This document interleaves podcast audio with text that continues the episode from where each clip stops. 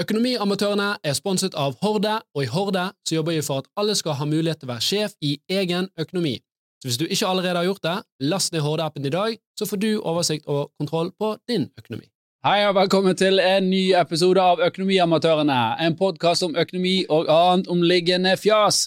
Og I dag så er det første sending fra julestudio, og vi har fått med oss selveste julenissen, generalsekretæren sjøl, Daniel Furseth uh, Isdal. Takk for det, takk for det. Og uh, ikke minst uh, Storm her, som Storm, er The Office Dog. The Office Dog, som var jo sinnssykt ivrig av en eller annen grunn. Er det, er det nissedrakten? Hva er det? Er en hund løs i studio her. Vi har òg eh, med oss eh, eh, Rikard, som eh, jobber i Horde og snakker med folk der ute og gir de råd på hvordan de skal eh, få kontroll på økonomien.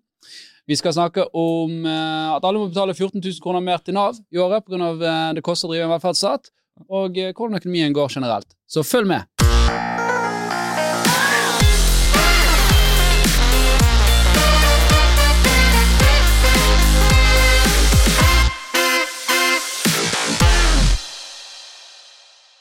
Dette er kos, og så plutselig var han oppi trynet mitt. Var han, jo, takk.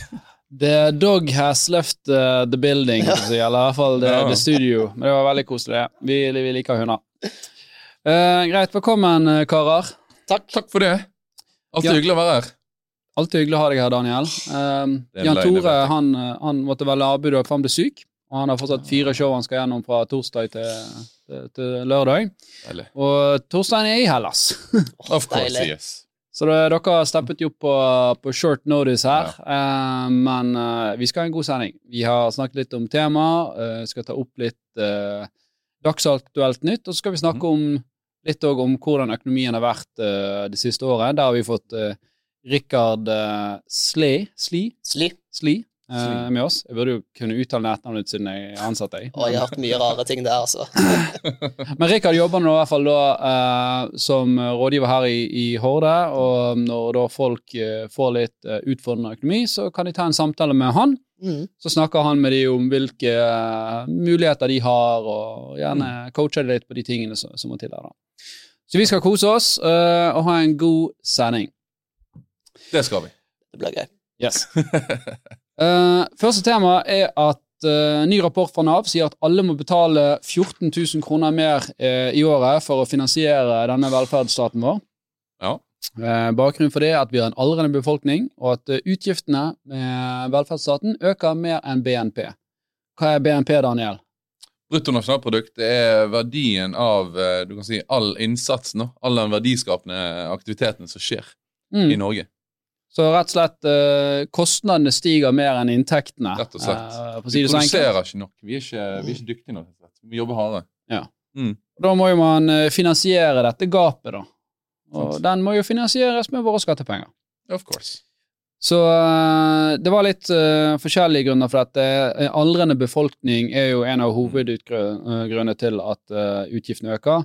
Samtidig så er jo vel uh, i toppen eh, når det gjelder eh, folk utenfor arbeidslivet. Eh, tall fra SSB, Statistisk sentralbyrå, eh, sier at det er 659 000 personer mellom 20 og 66 år som verken var i jobb eller utdanning i 2022. Det er faktisk 20% av eh, folk i den arbeidsdyktige alderen. Det er sykt. Er Sier de noe om hva som skylder, hva er årsaken? Det er jo en stor andel som er selvfølgelig uføretrygdet. Er man syk, så er man syk. Men så er det jo òg mange som er på arbeidsavklaringspenger. Mm. Eh, og eh, det var jo noen endringer her etter korona som gjorde at det var litt lettere å gå på disse her eh, avklaringspengene, eh, og at varigheten eh, og disse grensene ble utvidet litt. da. Ja. Eh, men det, det er en sånn stor eh, økning av, eh, av ting som man gjerne ikke så så mye for 10 eller 20 år siden, eh, som er bakgrunnen her. Eh, Mm. Psykiske lidelser og allmenne og uspesifiserte diagnoser. Dette liksom trøtthet og slapphet og liksom her at jeg føler ikke meg helt bra, og noe av det kommer nok gjerne i, i, som ettervirkning av det som kalles long covid, og Mm. kanskje Mm. noe kommer litt uh, fra, fra andre ting òg. Det er jo et spørsmål. Det har jo vært mange konkurser òg, vet du, så folk har jo mistet jobben. Ja, men det er jo det som er, det er, det som er rart, at uh, arbeidsledigheten uh, er jo relativt lavt i Norge. Men Mm. vi har jo liksom en, en skjult arbeidsledighet her inni disse Mm. 20 prosentene som ikke jobber. Så, så derfor er det litt sånn kunstig å si at du har lav arbeidsledighet i Norge. Nei, du har ikke det. Mm. for det er ganske Ja, mange som er utenfor uh, arbeidslivet. Og så er det jo liksom hvor, hvor, det, Og det er ikke alltid lett. Sånn, hvor skal man sette den grensen fra at uh, staten skal alltid ta vare på deg, og når må du liksom være ansvarlig for ditt eget liv? og Åpenbart er du syk eller har eh, hemninger som gjør at du ikke kan delta i arbeidslivet, så skal vi ta vare på deg. Og, men, men eh, det har jo dukket opp sant? angst, depresjon, mange nye sånne sykdommer Så før i Mm. tiden så var det litt sånn Ja, det var jo dumt. Det var dumt, ja. Back to work. Ja. Ja. Så er det jo klart at jo, med, med en gang du begynner å gå på sånn avklaringspenger altså tenk om En gang du begynner å gå på Nav, jo lenger du er på Nav, jo vanskeligere vil jeg jo anta at det er å på en måte komme inn igjen i arbeidslivet. Det tror jeg. Sant? Og jeg tror òg at uh, det har litt med Hvis du har vært lenge utenfor arbeidslivet, skal du inn igjen i det, så, um, så avhengig av hva utdanning og erfaring du har, så er det ikke sikkert at du får de feteste drømmejobbene. da. Nettopp det. Og så er det mange som tenker ja, men eh, det er ikke jævla gøy å jobbe på, på, på Rema eller Rimi. Rimi er vel ikke mer, Mm. men Rema. Uh, sant? Så, Mm.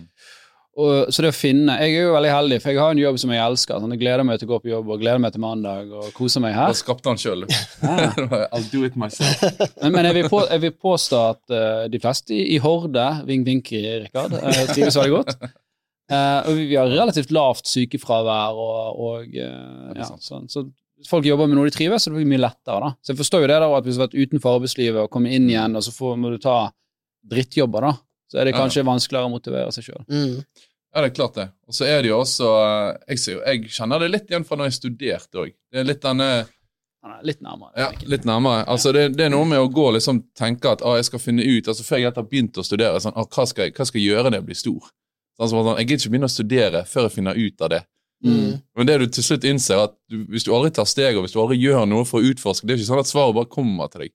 Du må liksom hoppe litt inn i det og utsette deg for disse liksom erfaringene og, og, og, og disse impulsene. Sant? Og så blir på en måte veiene til as you go. Og så er det jo litt som du sier, man får jo ikke drømmejobben med en gang. Det er jo noe man opplever litt som student. Sant? Altså, Hva Mm. skal være den første jobben? Jeg tror, det er, jeg tror det er veldig viktig. Jeg tror det er mange studenter som får seg litt sånn knekk der, når de en må innse at drømmejobben altså Du bygger det litt sånn stein for stein. Sant? Ja, det, det er jo et marked der ute. Sant? og Hvis du har uh, studert noe, selv om du har vært flink på skolen, men du har studert noe som ikke det, det er etterspørsel etter, uh, så er det klart at da er det vanskelig å få en jobb. Um, så er det jo jobber som det er gjerne høy etterspørsel uh, etter, sykepleier f.eks., men som færre vil ha, og som andre, liksom andre psykologiske eh, liksom, utfordringer da, eh, med seg. Altså Både det at man jobber med mennesker som er, som er dødssyke, man ser veldig mye rart, Mm. man mye det er fort gjort å ta med seg litt av den emosjonelle lasten hjem. Og så er det jo masse forskning som viser at dette å jobbe skift og jobbe natt og den type ting og Mm, er, er ganske tøft. eh. Vi er jo liksom vanedyr, og hvis du Mm. får eh, liksom hver annenhver uke, så, eller hver tredje uke skal du jobbe natt, så blir jo liksom vanene dine Jeg kunne aldri tenkt meg Nei, ja, et eh, turnusopplegg. Jeg jobbet uh, natt i mange år. Og det Mm. var, nådde et punkt til slutt jeg var sånn Jeg er for gammel nå. Altså Dette med å skulle jobbe natt til søndag, og så skal du jobbe tidlig mandag. Altså Det er greit når jeg var 22, men når jeg var 29 det var sånn, Dette dreper meg, mm. rett og slett. Ja, så, så det er klart at uh, Men som du sier, da, det tar litt tid å, å skaffe seg drømmejobben. Uh, Ja. Men det er nok mange som sitter og venter på at livet skal skje for dem. Uh, og det, det, det. og det, dette er en litt sånn filosofisk diskusjon, da. Mhm. Men uh, Det vil dere si det at med tanke på sånn som vi politikerne lover, at alle skal med, og alle skal bli tatt vare på, at man da bygger opp under et sånt tankesett med at uh, å nei, det er ikke din feil, det er andre, alle andre sin feil. Uh, Mm. At man liksom frasier uh, med å ha den politikken og den, den kulturen, så, så, så fratar du på en måte litt sånn ansvaret fra individet, og derav når de plutselig da må stå til stilling for det Mm. sjøl, så, så er ikke de forberedt på det. Mm. Ja, litt sånn ansvarsfraskrivelse. Det er jo veldig sånn det er jo veldig, eller, eller du blir vant til at uh, mor og far uh, ordner for deg hele livet ditt, så? Ja. og så er ikke du vant til at du må ta det. Altså, så Når politikere sier disse tingene, og du legger opp for en velferdsstat som fungerer på den måten altså Jeg sier ikke hva som er rett og galt, jeg bare stiller spørsmålet. Uh, så legger opp til en velferdsstat så alt skal ta vare på deg, uh, så er det klart at da, da blir du vant til det, da. Ja, ja. Eh, ja, at de syr puter under armer på deg. Men det der er jo, dette er jo en diskusjon som har blitt tatt i mange år. Det jeg føler ofte når man hvis man skal diskutere Nav generelt og velferdsstaten, som man gjør en gang iblant, så er jo det da ofte noe som kommer opp, føler jeg. Det er litt sånn hva Hvor langt skal man gå, hvor mye skal man hjelpe før man ender opp? For jeg tror nok du har helt rett. Det er definitivt et scenario der hvis du pusher det for langt, så er det det som skjer. Og det er sikkert allerede skjedd med, med mange. Så er det litt sånn hvilke krav skal Nav ha, da? liksom hva, hva skal til? Du hører jo allerede masse historier på folk som syns det er helt grusomt å skulle søke om disse ulike Altså folk som trenger penger, og de kommer inn i hele den karusellen. Et år seinere har de fortsatt ikke fått noe. mm. Så jeg føler på en måte ikke at det er De har jo ikke gjort det lett. Men tror du det er pga. at det inne i retorikken er liksom at alle skal med, og alle skal bli tatt vare på, og så møter du systemet, og så, så, så er det klart at hvis det blir sånn at ja, det er trykket to knapper, og så får du sykepenger, mm. og, og du kan slutte å jobbe, så er det klart at åpenbart det er mange som jobber i, i, i Det er alltid tøft å gå på jobb om morgenen. Jeg, jeg Klart har kunne tenkt, Særlig i dag så var jeg ganske trøtt og ville sove lenger. Ja. Men, så Poenget mitt er at hvis du, hvis du, legger, hvis du gjør det for lett òg, mm. så, så er det klart at uh, da Du sier på ene måten at alle skal bli tatt vare på, og, og ja, du betyr noe, og ja, du har det vondt, ja, det må vi passe litt på. Men så møter du realiteten, og da er ikke det så lett at du nødvendigvis uh, kan bli sykemeldt uh, for alt. eller Jeg, jeg føler jo alltid det der at alle får alltid beskjed at uh, hvis du blir arbeidsledig, Nav hjelper deg. Ja, ja. Men opplever alltid at Får alltid tilbakemelding. Nei, du, klar, du har god utdannelse, god arbeidserfaring, du klarer å finne jobb sjøl, liksom. Og så kaster de deg. Ut i det. Har du vært mye hos Nav og opplevd det, eller hva Du, er jeg har faktisk det. Ja. Uh, det var en god del år tilbake og så jobbet jeg i et selskap som gikk konkurs. Uh, måtte plutselig søke AAP, og tenkte ok, kanskje jeg kan få litt hjelp det fra de. arbeidsavklaringspenger? Arbeidsavklaringspenger. Ja. Tenkte de kunne hjelpe meg med å få jobb, men de bare Nei, dette klarer du fint på egen hånd, liksom.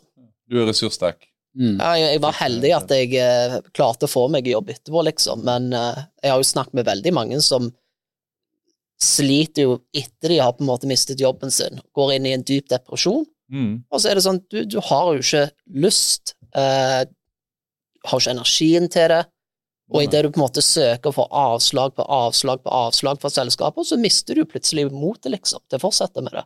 Men hva er alternativet, da? Skal liksom, å ja, men da får, bare, da får du bare leve på, på Nav eller sosialstøtte resten av livet, Mm. da? Eller skal det være sånn, ok, men da må du ha det litt vondt, da må du gå sulten, holdt jeg på å si. Altså, hva, hvor er Mm. denne grensen, sant? Eh, for åpenbart, eh, det er jo tøft, livet er jo tøft eh, for. For, for, for mange.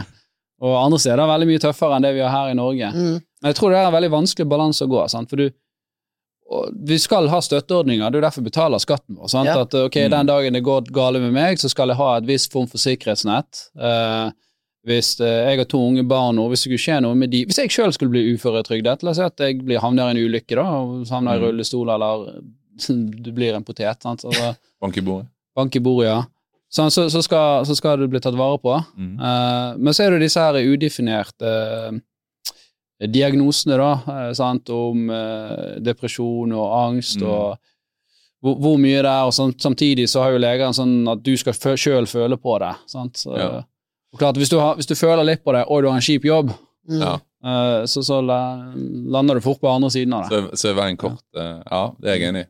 Og vi hadde jo en psykolog her eh, på, på Gudmundur her for, for noen episoder Ja. siden. Han snakket jo òg om dette, at i, Norge spesielt, i Vesten særlig, men i Norge spesielt, så er vi altfor raske til å sykemelde folk fordi at de, de har det litt vondt. da. Uh, og, og, og det er ingen forskning som tilsier at det er riktig medisin for det. Mm. For det du Ja. trenger faktisk hvis du har uh, litt angst og depresjon og den type ting, du trenger faktisk rutiner, du trenger folk rundt deg. Ikke gå hjemme og sture med, Ja. sture med tankene dine. Ja, ja. Ja, det fører jo fort til mer depresjon. Det merker jo jeg. eh, jeg vet ikke, altså Nå skal ikke jeg, eh, nå har jeg aldri lidd av depresjon, så jeg skal ikke late som jeg vet noe, men jeg merker det jo kanskje litt søkt eh, sammenligning. Men jeg merker det hver gang jeg har ferie. Altså sånn Hvis jeg har en uke fri, og så har jeg gått i ukevis, månedsvis ah, snart er det ferie, da skal jeg gjøre alle disse tingene jeg ikke får tid til, Mm. så jeg gleder meg til. Og så gjør jeg kanskje det i maks halvannet døgn. Snur døgnrytmen litt. Sitter gjerne og ser litt for lenge på TV.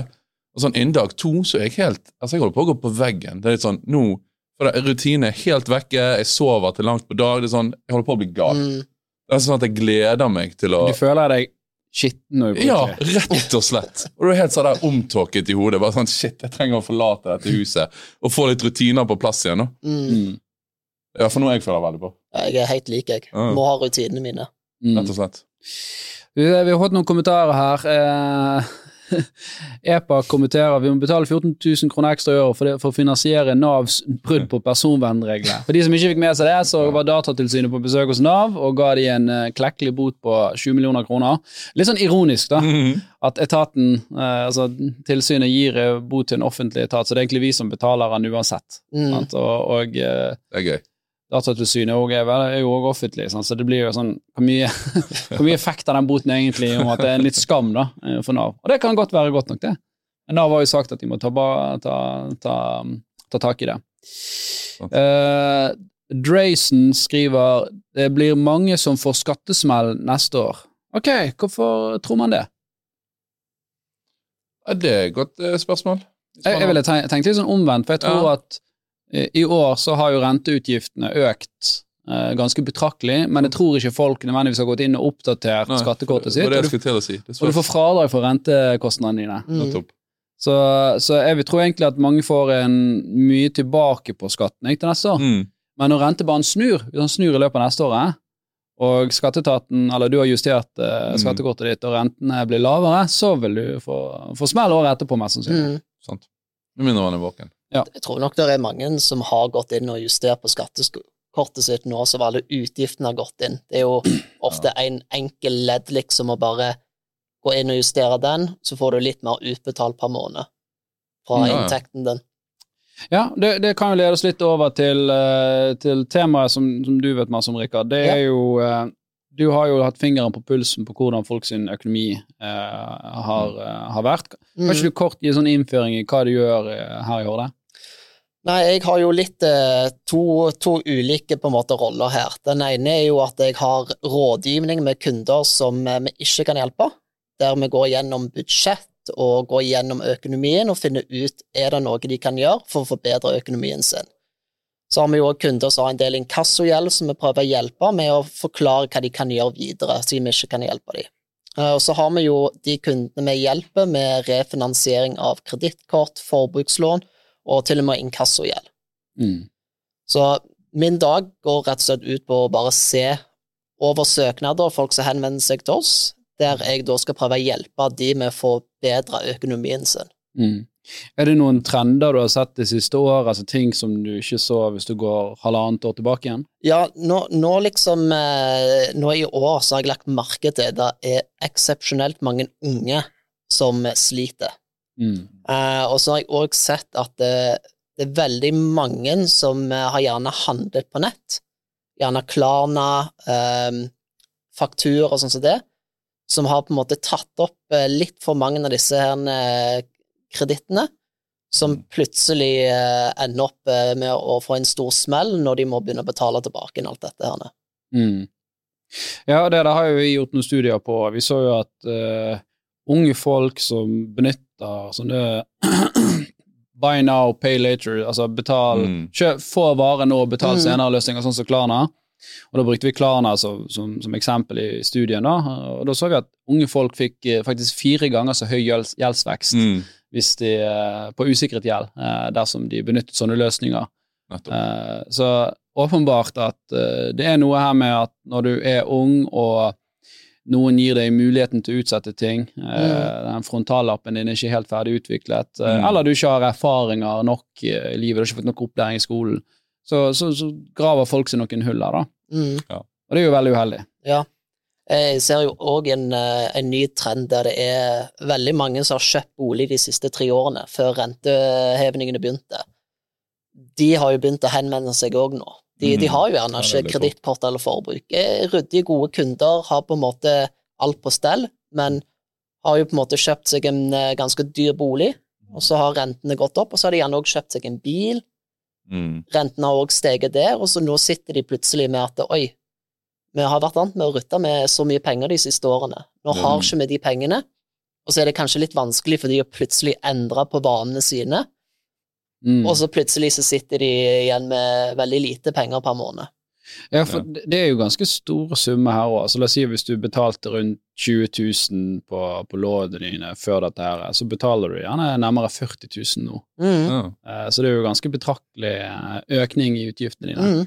Så den flex, og I tillegg til dette så kommer jo økte matvarepriser, eh, strømpriser og alt annet. Mm.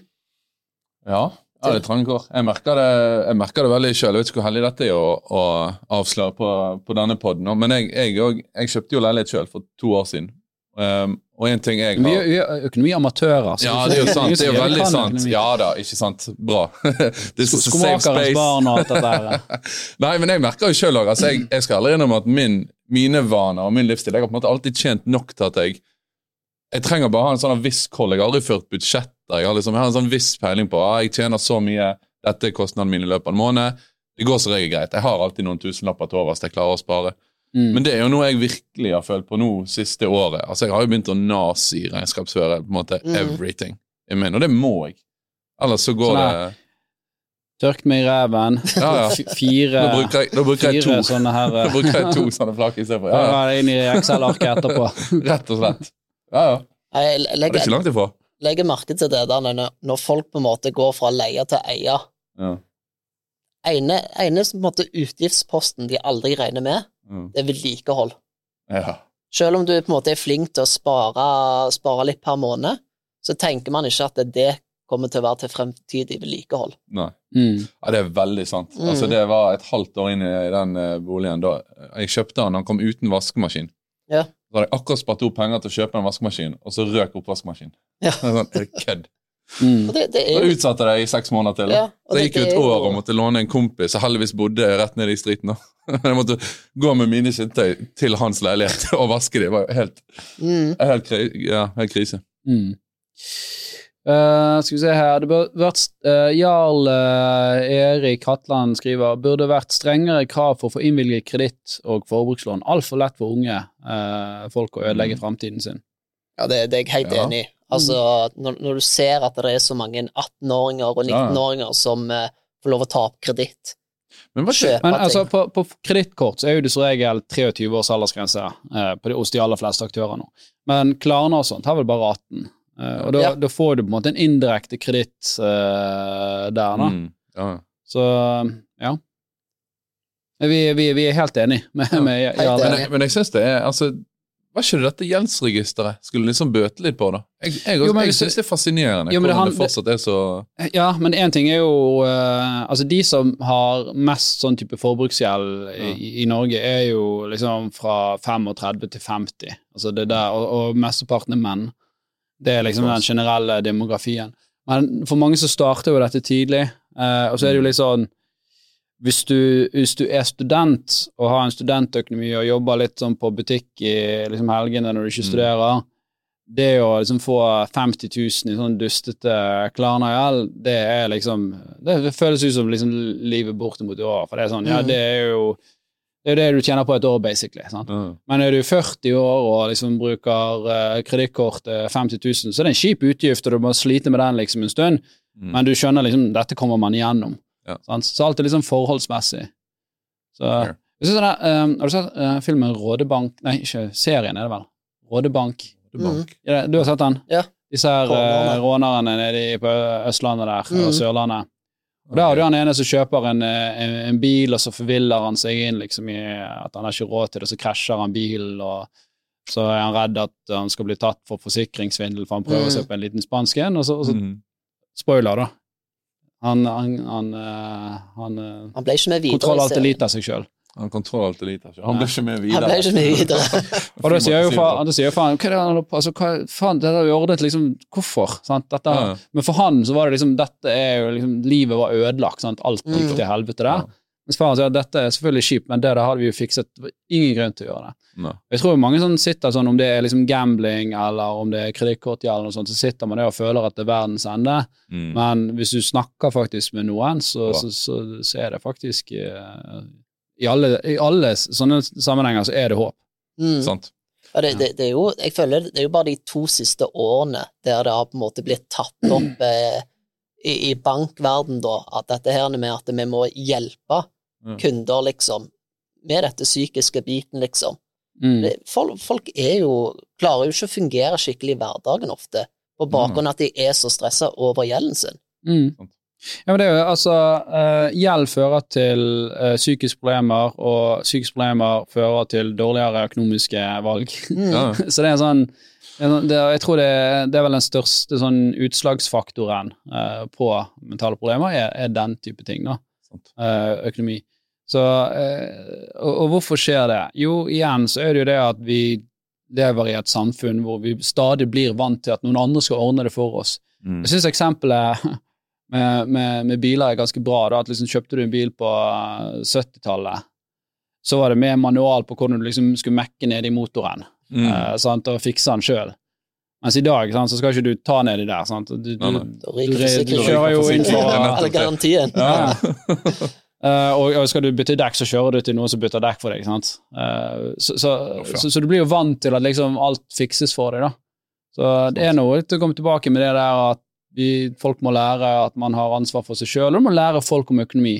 Mm. Altså ikke Det betyr at du skal tilbake på skolebenken og sitte og sånn kveldsstudier og økonomi nødvendigvis. Nei, nei. Det er to ting. Du, du må tilpasse liksom, teknologien og tjenestene til moderne standard her, samtidig som du må tenke på liksom, budskap og hvordan du snakker om disse tingene, så folk skjønner at uh, det, er ikke, det er ikke bare å, å tro at ting ordner seg. Siden, vi, siden du snakket litt om bil, det, det legger jeg merke til. Jeg syns det er ganske fascinerende over hvor mange nordmenn som kjører bil, og gjerne eier en eller to biler. Mm. Det er liksom en ganske stor utgift per måned, og spesielt hvis du kjøper bil med lån. Ja. Så ser du liksom folk som kjøper en eh, Tesla X, million Mm. i, i eh, billån, starter bra med Tesla-renten, som var veldig lav, så har det bare gått opp, opp, opp, opp. Mm. Mm. Så sitter de der nå og betaler betale kjempemye mer penger, og ikke får de solgt den heller, for verdifallet har jo gått eh, kraftig ned. Sant. Ja, det, er, det er jo litt annerledes, som du sier. for det, Hvis du låner til bolig, så skal jo den i teorien i hvert fall stige. Og i hvert fall hvis du har lang nok tidshorisont, så kommer den til å stige. Sant? Mm. Hvis ikke det skjer noe veldig dramatisk i verden. Men en bil vil jo alltid falle i verdi. Ja. Altså Hvis du ikke Mm. snakker sånn vintage veteransak, da, som jeg tror de færreste kjører. Ja. Men, men det er samtidig så uh, det, er vi, Jeg bodde jo i byen her uh, med min samboer eh, eh, i noen år, og vi fikk jo vårt første barn her i byen òg. Da hadde vi da hadde vi fortsatt ikke eh, bil fordi vi bodde i byen, Ja. men det var litt sånn kavete, og liksom skulle du noe sted, om det var til middag hos sviger, så måtte du med barnevogn og buss og Ja. busskifte og sånn så der. Eh, Mm. Eh, nå har vi flyttet litt utenfor, altså 10-15 minutter utenfor byen. Uh, da synes, vil jeg si at det hadde vært vanskelig å få ting til, logistikken til å gå opp uten Ja. bil. Når Mm. du har unge skal på fotballtrening, og, og hun jobber på Haukeland, og så skal du komme deg til svigers. da. mm. Det hadde ikke vært mye besøk der hvis vi ikke hadde hatt bil. Eller du må liksom være den som sier 'kan dere komme og hente oss'? Mm. Da, da, er liksom, da, da er det et behov der for å ha en bil, tenker jeg. Ja da, Men- du, du må men- være klar over at dette er det det, det koster deg, da, å ha den uh, luksusen. Altså, vi hadde jo overlevd uten bil. Det er jo Mm. ikke noe folke, liksom, menneskerett at du skal ha bil, men det gjør jo livet eh, enklere. Mm. Det er jo litt det, Danne. Du du har gjerne ikke lyst til å kjøpe en billig, billig bil. Spesielt hvis ikke naboen ved siden av deg kjører i en Porsche. Da har du gjerne lyst til å Ja, ja. ha en litt dyrere bil, for du kan ikke være den eh, mannen i gaten med en eh, ja, liten, gammel Golf. Ja. Og jeg, er jo et ego der inne i bildet. jeg er sånn veldig pragmatisk når det kommer til biler, men, men jeg merker jo at når du først skal kjøpe bil, så blir du litt revet med. Mm. Ja. Eh, men ellers så, så er jeg sånn Det er, et, liksom, det er en forbruksvare så, så, som jeg har. Det er en bruksting. Uh, eh, Hvilken du bil er det du kjører, da? Ja, du skal ta uh, Tesla. Ja. Men uh, ja, det var jo litt uh, Jeg hadde en kompis, eh, han heter også Rikard. Ja. Han mente For jeg, jeg, eh, jeg har en annen kompis som heter Per Christian, han har vært på poden her før og snakket om Tesla. Han, han, han lurte meg til å kjøpe sånne opsjon på å kjøpe bil, da, for han mente at den kom til å stige i pris. Mm. Og så har jeg andre kompisen min, han andre Rikarden, som her før jul i fjor sa at ja, men nå er sånn nå, dollaren sånn og sånn og sånn, hvis du kjøper den, så kan du snu det rundt, så kan du selge den, så kan du tjene 40 000, liksom sånn og sånn. Ja. Det er kø for å få tak i de. Så jeg var litt sånn, ja ok da, jeg tar den ut, og så skjedde jo selvfølgelig ikke det, og så solgte vi den andre bilen istedenfor. Og så kjører vi Tesla. Så Ja, der, der er, jeg, jeg har noen andre jeg kjenner som eh, gjorde gjorde akkurat det samme. Kjøpte Tesla mm. for å da prøve å selge den videre. Noen ganger gikk det fint, liksom, og andre ganger gikk det ikke så bra. Mm. Ja, det er jo en gamble. Ja, ja, ja. Men det, det er jo veldig mye vanskeligere å ha sånne type eh, skal kalle det sidegigs eh, nå, da, for det er veldig mye trangere i økonomien hos folk, og da er det mindre rom i økonomien til å gjøre de tingene der. Sant? At folk har heller bilen sin ett eller to år lengre. Ja. Mm. Eh, grunnen til at krypto for eksempel er i dass akkurat nå, er jo akkurat det samme. Eh, folk har ikke overskuddslikviditet til å drive og gamble, og krypto i de aller fleste tilfeller er, er, er gambling. Mm. Så ja. Så jeg fikk faktisk en, en bruker her, en, en lytter, eh, som sendte inn til oss her, eh, om Det var en trend blant unge som vi bør ta opp, og det, det er noe som heter e-economy, og som, som hevder at de, ja, Du kjenner til det? Mm. Og det er mange som sånn, hevder sånne AI-trading-plattformer. Så er det disse, disse reklamene du får på Facebook og sånn som det? Ja, der, òg får du noe, men også på TikTok, da. Eh, men Mm. basically så er jo det Det er jo eh, pyramidespill. eh, Ja, ok, ja. Eh, hvor du skal rekruttere andre til, eh, til, til plattformen. Og, og eh, hvis du faktisk ser på disse tradingplattformene hvor du kan trade med giring og sånn så der, så er jo det sånn 80% av de som bruker plattformen, de, de taper penger på det. Mm. Ja. Tenker, så- tenker alltid, er det for godt for å være sant? Ja, ja, men det er jo det. Men det er jo masse sånn jeg føler på Facebook, får det opp på Instagram hele tiden sånn hvordan jeg tjente min første million i en alder av 23. Så er det åtte slides. Sånn, først gjør du sånn, og så gjør du sånn. Og jeg drukner i det. Ja. Mm. Åh, ja, jeg ble helt gal. Og, så, altså, og det er jo for så vidt én ting. Det kan jo være noen som selvfølgelig prøver å de, de selger jo på en måte Deres produkt er jo å selge lovnaden om at du skal bli rik. Ja. Eh, og det kan godt være mange av de som er liksom legit og har gjort noe og ønsker, men, men business i dag er å selge kurs til deg og bøker til deg. mm. Ja. Men så har du de som er enda verre. Det er jo de som bare er liksom øh, rett og slett scams. Enten fordi det er pyramidespill, eller øh, det er skikkelige scams. Sånn så nå, nå er det mye som går om Mr. Beast kasino. Åpenbart han ikke har startet kasino, Ja, ja. men med AI i dag så kan du liksom ta stemmen hans, og du Mm. kan lage videoer så det ser ut som han sitter og snakker her. Og det var en Mm. der han sitter og snakker med Logan Pole, og han gir han telefonen, og så Ja, jeg satte inn 50 dollar, og å, der vant jeg 2000 dollar. Men jeg skjønner ikke, altså, for jeg får jo disse, dette får jo opp som reklamer uh, Ja. via Facebook. Så Mm. åpenbart at de, de må jo være mer på her. Uh, på, for du, du, skal, du, skal, du har ikke lov å, å reklamere for pengespill der, først og fremst. Mm. Og for det andre så er jo dette å- åpenbart en, en, en scam. Åpenbart skam. Ja. Ja.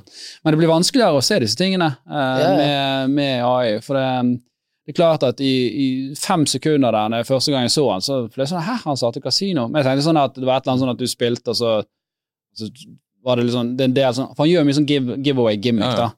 Men så når du så han etter hvert, så skjønte du at ok, dette, dette, Ja. dette er scam. Det, det er jo noe han kunne gjort. Han har jo lagt spill, liksom, app- app-spill, liksom, som har tatt det helt av, liksom, der du kan vinne fysisk gaver, liksom. Ja, det var derfor jeg tenkte at det Hvorfor- kunne være sånn. kunne han ikke har gjort jo, det, liksom? det er jo så, innenfor hans eh, personlighet, på en måte. mm. Ja, ja. Og det, og det sykt. og, og, og spilling blant unge, altså unge, øh, og gjerne særlig menn òg, er veldig glad i å gamble litt. Eh, Mm. NFT-er var jo et eksempel på det òg. Det var jo mye grifting innenfor der. Krypto er det mye grifting innenfor. mm, Online nettkasino. Eh, nå har jo du uh, Taiga, uh, som sto fram her i VG. Han er jo en av verdens beste Dota-spillere. mm, Og plutselig litt sånn Mm. anonym fra Dota-scenen eh, siste, siste året, så kom det fram at han hadde viklet seg inn i dette og fått store spillproblemer og har spilt vekk var millioner, ti millioner kroner, liksom. Alt han har tjent i hele karrieren Mm. sin, er, er vekke. Og han begynte på Norsk Tipping. Oh. Begynte på Norsk. Tipping. Så uh, gateway-druget. eh, Ja. og når du først da blir avhengig, så, så begynner man å spille på, på utenlandske sider, etc., etc. mm. Og han hadde en kronikk om dette som jeg synes var faktisk veldig bra. Det var første, applaus for å liksom være åpen om dette her. Ja, veldig bra. Jævlig bra. Uh, det må ha vært drittungt å liksom innrømme dette og stå fram for familie og venner, og ikke minst i VG. Men han sier det at det, det at du har det monopolet som du har i Norge, det gjør at den digi altså folk i dag, unge mennesker som får spilleproblemer, de er så digitale at de finner alltid måter å gamble på disse utenlandske nettstedene. mm, Og når de gjør det, så blir ikke de fanget opp av systemet. Sånn som så, så sto det på hans side, så det er bedre da å prøve å heller regulere det inn og si at ok, dere får lov å operere i Norge eh, Mm. med denne spillisensen, men her er noen regler dere må forholde dere til. Ja. Ja. For Da kan man enklere plukke opp uh, disse hvis det er folk som åpenbart uh, har, har problemer. da. Nede i kaninhullet, ja. Så han, han, hans uh, på, eller, påstand på dette var jo det at det man gjør i, i, i Norge i dag, er faktisk mot sin hensikt, og at de som faktisk blir spilleavhengige, de, Mm. de finner alltid veien vekk. Og så kan man si at ok, men kanskje du burde forby det i sin helhet. Ja, jeg tror folk har et sånn For mye penger tjener jeg det for selskapet, vet du. Det er det. mye penger tjener tjene på gambling. Ja. Det er sinnssykt mye Ja. penger. Det er, jo, altså, det, det, er jo, det, er jo, altså, det er jo en gratis forretningsmodell, for du er garantert at så lenge du får en viss skala med brukere, Mm. så er du garantert at du tjener Mm. penger. Uh, men hvor legit mange av disse uh, Det er det. stedene er, det er jo en annen ting. Du har jo nå sett at Return to Play, altså, hvor mye av det som bettes, er det som Mm. skal inn, og kan du stole på at uh, den er legit? Ja, da må du ha noen som kan, eh, kan gå inn og verifisere og gjøre en revisjon da, på å se om det faktisk stemmer. Yes. Ja. Ja. men spennende. Daniel, har du noe nytt å dele fra fintech-verdenen? Det er alltid mye nytt, eh, alltid mye nytt fra fintech-verdenen. Tenker du blant medlemsbasten vår, eller i Ja. foreningen vår? Eh, eh, eh, ja, nei, altså vi har jo, hvis det er lov da, å promotere litt, vi har jo nettopp kicket off en veldig, ganske vellykket sånn afterwork-serie. Så jeg hadde nå for to uker siden i Oslo. Da, vi, da begynte vi med B2B-tema, så vi hadde noen av medlemmene våre. Business to business. Business to business, helt riktig. Så da drev vi rett og slett og filosoferte litt høyt da, om mulighetene som finnes innenfor der, og vi ser liksom innenfor dette som kommer nå med Open Finance. Vi hadde en som heter Trong i Settle, som snakket om embedded finance, altså rett og slett at du tar ulike finansmekanismer inn i forretningsmodeller som ikke nødvendigvis er finansaktører. da. Ja, så, så det at eh, transaksjoner og betaling bare skjer uten at du slipper å tenke. Nettopp. på det. da. Sant? Det er litt sånn, litt sånn som de tenker, da, for de har jo selvfølgelig lyst til å disrupte markedet litt og ta markedsandeler fra bankene. Det er sånn, Hvis du først er på en nettside, hvorfor må du forlate den nettsiden og gå inn i en bank for, eksempel, for å gjøre en betaling? Sant? Hvorfor kan ikke Ja. alt bare skje på denne nettsiden? Ja, men det, dette er da uh, afterwork. Det er i Oslo, ikke? Det er i Oslo, Kan alle komme der? men alle kan komme. Ja. Det er jo litt sånn, det er alltid en, eh, Vi er jo veldig transparent og demokratisk i Fintech Norway. Mm. Så det er jo alltid en, en demokratisk avgjørelse hvor skal eventene våre være. Men når 95% av medlemmene våre er i Oslo, så har Oslo en tendens til å vinne. Bastards! Ja, det er, ikke, Mm. det er helt sant. Men så hvis det er noen som hører på og syns at dette er spennende, gründerskap er spennende, fintech er spennende, så kan de jo da komme på disse afterworks. Det kan i, i aller høyeste grad Det gjøre. var hvor, hvor tid og når og hvor. Neste skal være i februar. 8. februar, mener jeg. Tentativ dato. Ikke siter meg på det. Følg oss på LinkedIn, så vil det Ja. bli promotert. LinkedIn, der alle de Det er alle de kule. Ja. Følg Fintech Norway på LinkedIn. Men det, det må jeg si at det er veldig sånn jeg, jeg har jo profiler liksom både på LinkedIn og på TikTok og, og, ja, det er vel egentlig der jeg egentlig bruker mest, men vi er jo på Instagram og, og Ja, ja. Facebook og sånt, og jeg merker liksom at jeg er jo ganske forskjellig eh, Ja. på LinkedIn og TikTok. Eh, Veldig. eh, for det er veldig forskjellig publikum der, og, og det er forskjellig måte å liksom snakke på i sin. Ja, og så syns en ting jeg syns er litt vanskelig, men litt sånn X. Altså rolleavklaring og litt sånn, for i, Når jeg er på LinkedIn, da tenker jeg Altså, det er jo min private konto, selvfølgelig, men jeg tenker at når Daniel på LinkedIn er Nå er jeg på jobb. Jeg føler jeg er alltid på jobb. Jeg er alltid på LinkedIn litt sånn i kraft av rollen min, på en måte. Jeg er veldig bevisst på det. Mm. Mens når jeg er på Facebook, da tenker jeg og det er sånn, Regardless om jeg gjør det i arbeidstiden eller ikke. Nå er jeg selvfølgelig aldri på Facebook i arbeidstiden. Men? Men da er jeg alltid privat, Daniel. Og der føler jeg, der kan det være lett å gå på en smell. Hvis du begynner å, sant? Hvis du begynner å kommentere ting. Sånn som jeg hadde jo en litt, eh, helt, helt i starten av Fintegnavi-karrieren min, hadde jeg en litt uheldig en der jeg tror jeg liket en post fra ett medlem. Mm. Og, så var, og så var det en liten sånn, lite stikk til et annet medlem, og da ble det medlemmet sur. Og så får jeg en sint telefon, og så er det sånn Å, shit, det var ikke jeg i nærheten av å Altså, ja, Da ble, da ble nesten jeg litt sur. Da, for bare sånn, ah, Men Facebook er jo privat. Men det ja. mente jo ikke de, da. Så da var det sånn ah, Nå må jeg passe meg uansett hvor jeg er. Ja. Jeg Men åpenbart så hadde jo det andre medlemmet rett, da. Åpenbart hadde det andre medlemmet rett. Det er derfor jeg har slutta å like og kommentere. Ja, ja, men det er jo det jeg har gjort nå. Jeg bare tør ikke, da. du vet aldri hva Jeg som er blitt skjer. helt anonym. Jeg, jeg, jeg var mer sånn før, men nå er jeg mer sånn fuck it. Jeg, skal, jeg får si min mening på ting og heller være autentisk på det. Eh, Jeg, jeg skjønner jo den settingen at når, når du er leder for en sånn forening, eh, så, og det er flere medlemmer, så, så skal man være upartisk. Åpenbart. Eh, eh, så samtidig så må man kunne ta den diskusjonen og sånn der, ok, Mm. men hva er det som har skjedd der, sant? Og, Ja. og dette tilfellet her var jo det en, en annen aktør som uh, hadde kopiert uh, en annen aktør, og det var ikke, det var ikke greit, selvfølgelig. Nei, jeg vil jo si objektivt hadde den ene parten rett, på en måte. da. Og så ble det, ble det vanskelig, for det at, som du sier, jeg skal være upartisk. Og de ble litt buttered da, rett og slett, Mm. av det. Men jeg tror det er en veldig interessant ting, for det er jo det er sikkert en egen episode i seg sjøl, dette her med den corporate-kulturen. Ja. og uh, Jeg husker i min gamle jobb da jeg uh, jobbet i finans, så var det veldig sånn strengt at vi hvis vi var ute på byen, så skulle ikke vi hilse på kunder engang før de liksom anerkjente og hilste på oss. Mm. Ja, Eh, fordi at eh, vi Hvis vi gikk og hilste på dem, så kunne andre tro at de var kunder hos oss. da. Ja. Eh, og det var liksom, det var privat. Uh, sånn. Så da var jeg veldig sånn forsiktig med LinkedIn, hva jeg skrev og hva jeg likte. og sånn sånn der. Ja. Uh, mens nå er jeg mer sånn nei, ok, nå får det, det får bli sånn som det blir. Ja. Du da, Rikard, er det noe nytt som skjer i, i, i verden fra din side? Nei, det er jo snart jul, så det Ja. blir, vel, blir, blir vel mye handling på folk. Har du kjøpt alle julegavene? Hæ? Har du kjøpt alle julegavene? Du, min kone har kjøpt alle julegavene, så vi har er good nå på akkurat den. ja, ja. Merket du at det var strammere budsjett i år? Du, det, det la jeg merke til.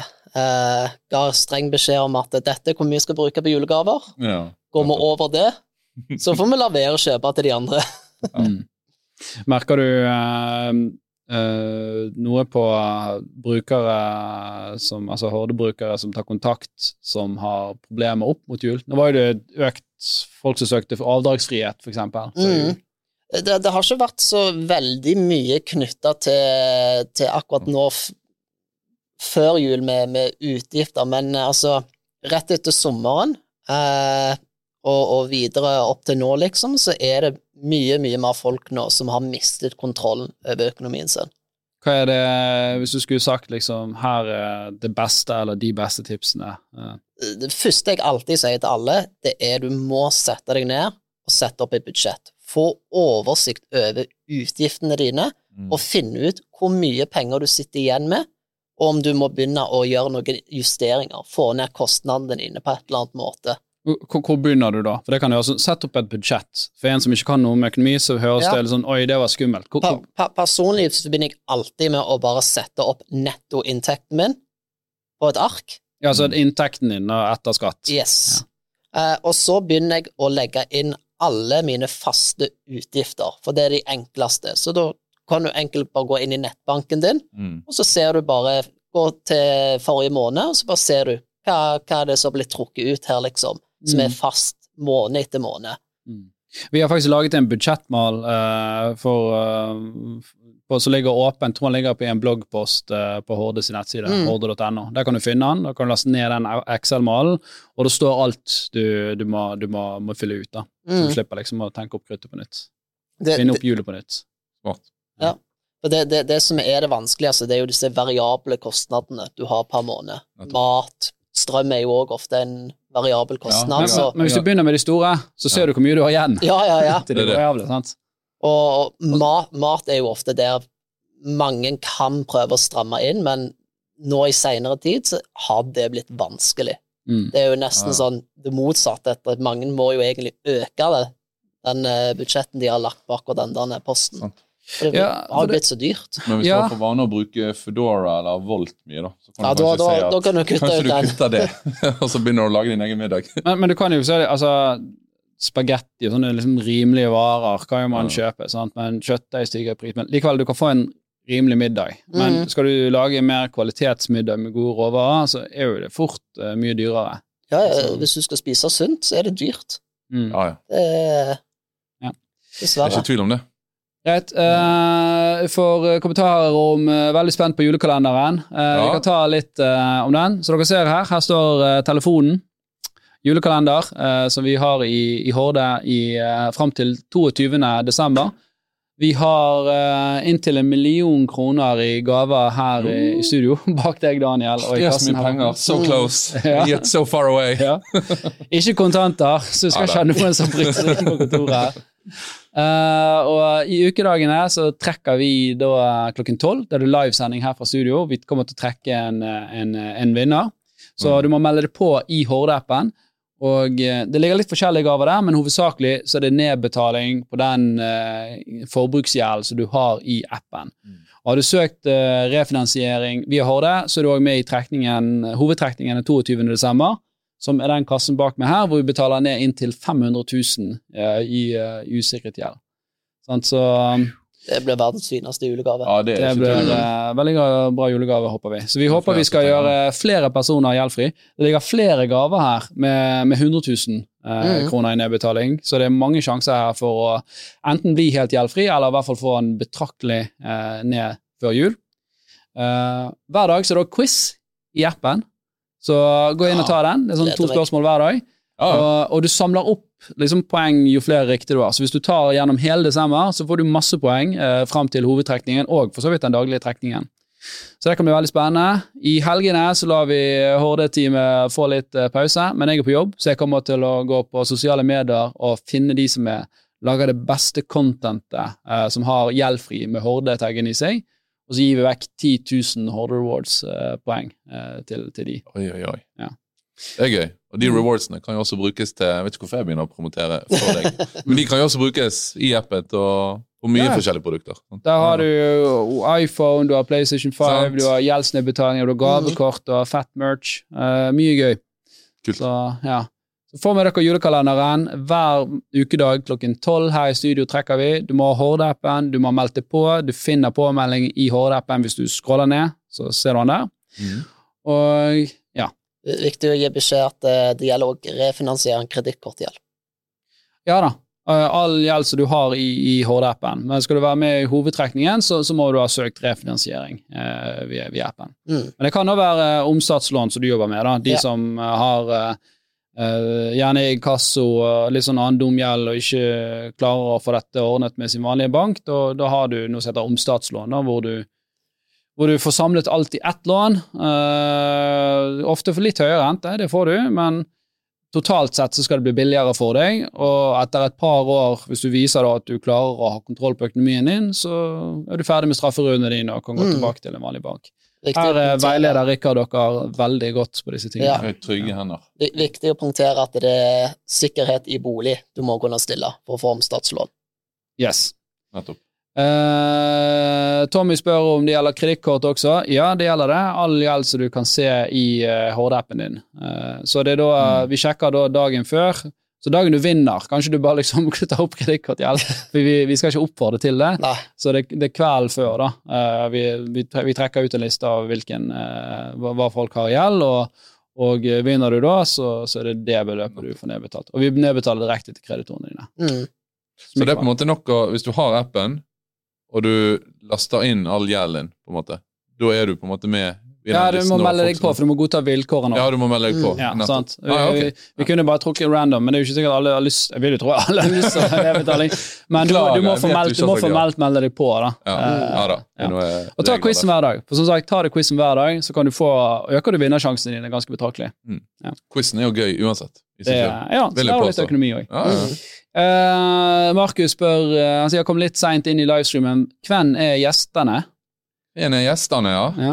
Ja. Hvem er du, Rikard? Du, jeg heter Rikard. Jeg er leder for omstatslån og rådgiver her i Orde. Ja, jeg heter Daniel Furseth. Jobber i Fintech Norway. Og vi har, Grunnen til at jeg er her, er fordi at Alf Gunnar har vært så elskverdig og sagt at Fintech Norway kan få lov å sitte her på kontoret deres. Så jeg driver og reker rundt der hver dag, regardless. Så ja, det er veldig hyggelig å bli invitert til pod. Ja, Det er det jo. Veldig hyggelig at du stiller opp på. Ja. Og det var det vi rakk. Jeg er Alf Gunn Andersen. Jeg er gründer i daglig leder i Horde. Dette har vært en fantastisk gøy sending. Takk for at dere stilte opp på kort varsel. Mm. Bare hyggelig. Eh, fra 1. desember hver ukedag så det er live her klokken 12, hvor vi skal trekke vinner av eh, den dagens julekalender. Og hver onsdag klokken 12 så har vi òg eh, live podcast fra studio her. Så det blir litt lengre format, med masse kule gjester. Så få med dere det, og eh, god jul da, folkens. God jul!